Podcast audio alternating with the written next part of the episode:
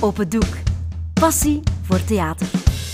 Zomerse gesprekken op een bankje in jouw gemeente of stad. Ik ben er kapot van, Charles. Het is op. Ja, maar dat begrijp ik Maar allemaal. bij je verstaat je dat niet. Je verstaat er niks van. Je moet dat hier zelf meemaken, hè. Hey, ik heb ik kinderen zelf. Ja, hij hebt kinderen, Charles. Ik heb kinderen verwekt. Dat is iets anders. Dat komt wel terug, Louis, jong. Die komen wel terug, vroeg of Het laat. is te laat, Charles. Ze komen niet meer terug, niet meer. Ik geloof het niet meer, echt.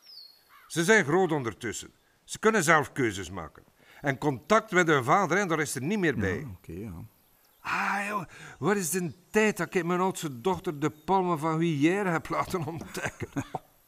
en de warme Middellandse Zee, oh, ze was zo gelukkig. Ja, En dat ik Peggy bijna heb laten verdrinken toen ik haar leerde zwemmen. Allee, dat dacht de mama, hè. En Kareltje heb ik op het tafdak gelegd toen ik zo kwaad was. Toen hij oneindig veel kabal maakte en niet wou kalmeren. Allee. Het is me niet een dank afgenomen.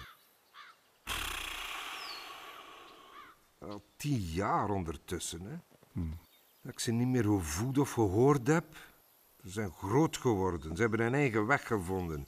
Ze hebben geen papa meer nodig. Maar dat moet je niet Ja, maar zeggen, zeker nu niet meer. Dat zullen ze nu denken. Dat ik je heb geen papa zeggen, nodig. Maar ik weet ik genoeg dat ik zelf was. Hè. Ik ben gaan lopen thuis. Ik had niemand nodig. Maar ik ben er ook nog wel altijd. Hè. En heb je nog nieuws van hen? Ja, van ver. Ze doen het goed en dat is het Ah, belangrijkste. wel, voilà. Dat ze een drive hebben in het leven. Alleen die oudste, daar heb ik zo mijn twijfels over. Ah, hoe komt het? Ze heeft haar studies niet afgemaakt en, en nu is ze werk aan het zoeken. En dat is, ja, geen gemakkelijk opgave, hè, Charles? Zeker in deze tijd, dat is waar. Ik heb aangeboden om te helpen. Mhm. Ik ken veel mensen en ik weet veel over werk. Maar het is maar een dingetje waarmee dat ik ze zou kunnen helpen, hè. Jongens, ze hebben zoveel gemist, denk ik. Ik in ieder geval. Maar zeg, Louis, je hebt, je hebt aangeboden om te helpen, dus dat wil zeggen dat je toch nog contact hebt. Ik doe wat dat kan. En dat is informatie inwinnen via via. En verjaardagskaartjes sturen. Dat doe ik al jaren. Sobere kaartjes, hè, met een klein beetje tekst. Soms waag ik iets langer, maar dan bekomt dat slecht. Je hebt er al reactie op gekregen. Dat langere kaartje was te gevoelig. Dat deed te veel pijn. Mijn mama heeft mij onlangs precies gezegd wat ik mag schrijven en wat niet. Komt erop neer dat ik alleen maar mijn kop op de kabblok mag leggen en dan afwachten wat er gebeurt. Dus met de mama heb je weer contact. Ja, Eigenlijk al jaren niet. Maar nu zo'n zes maanden geleden hebben we haar terug gecontacteerd. Ah, dat is goed. Het, is, het is gelukt, zou Ah, je kijk. kunnen zeggen. Zeg. Ik bel haar om de paar weken en we, we hebben ook al een gesprek gehad in Hmm. het park op een bank. En hier, ik moet zeggen, Charles, ze zag er goed uit. Hè? Haar fierheid intact, slank, maar triestig al. Ondanks alles een sterke vrouw, hè, moederkloek. Hmm. De mama van haar kinderen, niet van onze. Dat je met haar al gesproken hebt, dat is toch een opening. hè? Dat, dan, dat, wil, dat wil zeggen dat je op de goede weg bent. toch? Niet echt, hè, Charles, dat is allemaal tijdverlies. Maar dat is niet Maar waar, nee, maar ze houdt mij aan het lijntje. Ik laat haar alles zeggen. Hef spuwen en nergens tegenin gaan. Want als dat doe, dan stopt het gesprek direct, hè. Ze verdraait de werkelijkheid. Ja, maar dat- Nee, maar nee, dus wanneer dat ze vertelt over de kinderen, dan weet ik nooit Hmm. of het gaat over wat dat zij voelen of denken, of dat ze het over zichzelf heeft, hè, Charles? Ja, Louis, jong, ik weet het, het is een moeilijke situatie, maar het, is ze zijn niet alleen, hè.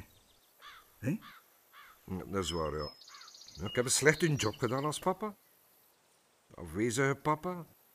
En als er er wel was, veel te streng of veel te zat, of alle twee. Maar ik kan dat allemaal niet meer terugdraaien, hè, dus naar voren kijken. En nu had ik gehoopt, eh, na corona, dat er, eh, ja, dat er terug contact mogelijk ging zijn. Als dat eerder een, een ontmoeting in het vooruitzicht gesteld. Maar nu houdt ze weer helemaal de boot af.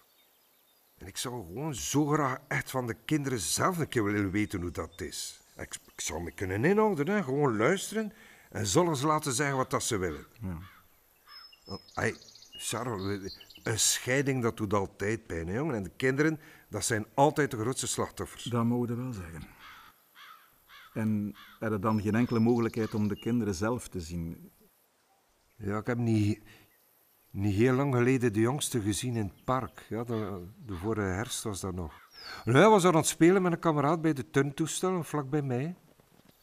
Hij zag aan de blik van zijn kameraad dat ik eraan kwam. Hij keek verrast en hij draaide zijn rug naar mij. Dag Karel. Ja, hallo. Ik gaf hem mijn hand. Hij was sterk veranderd, jong.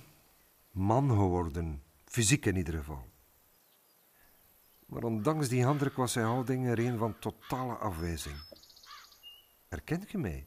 Ja, ja, ik herken u. Hoe is het? Goed, hoe is het met u?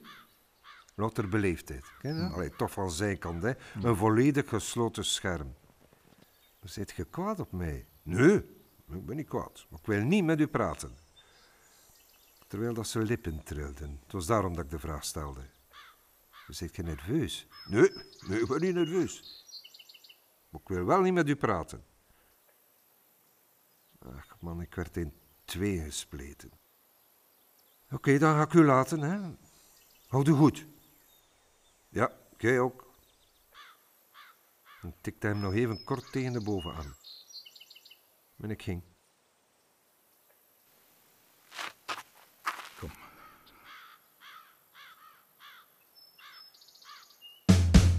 Dit was Contactloos van schrijver Jan van der A.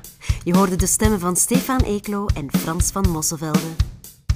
Dit verhaal is een onderdeel van de podcast Het Bankje. Een project van Open Doek naar een idee van Wim Gilles. Zin in meer? Ga dan op zoek naar de andere verhalen op bankjes in jouw gemeente of stad. Wil je meer weten over Open Doek? De koepelorganisatie voor het amateurtheater in Vlaanderen en Brussel? Surf dan naar www.opendoek.be.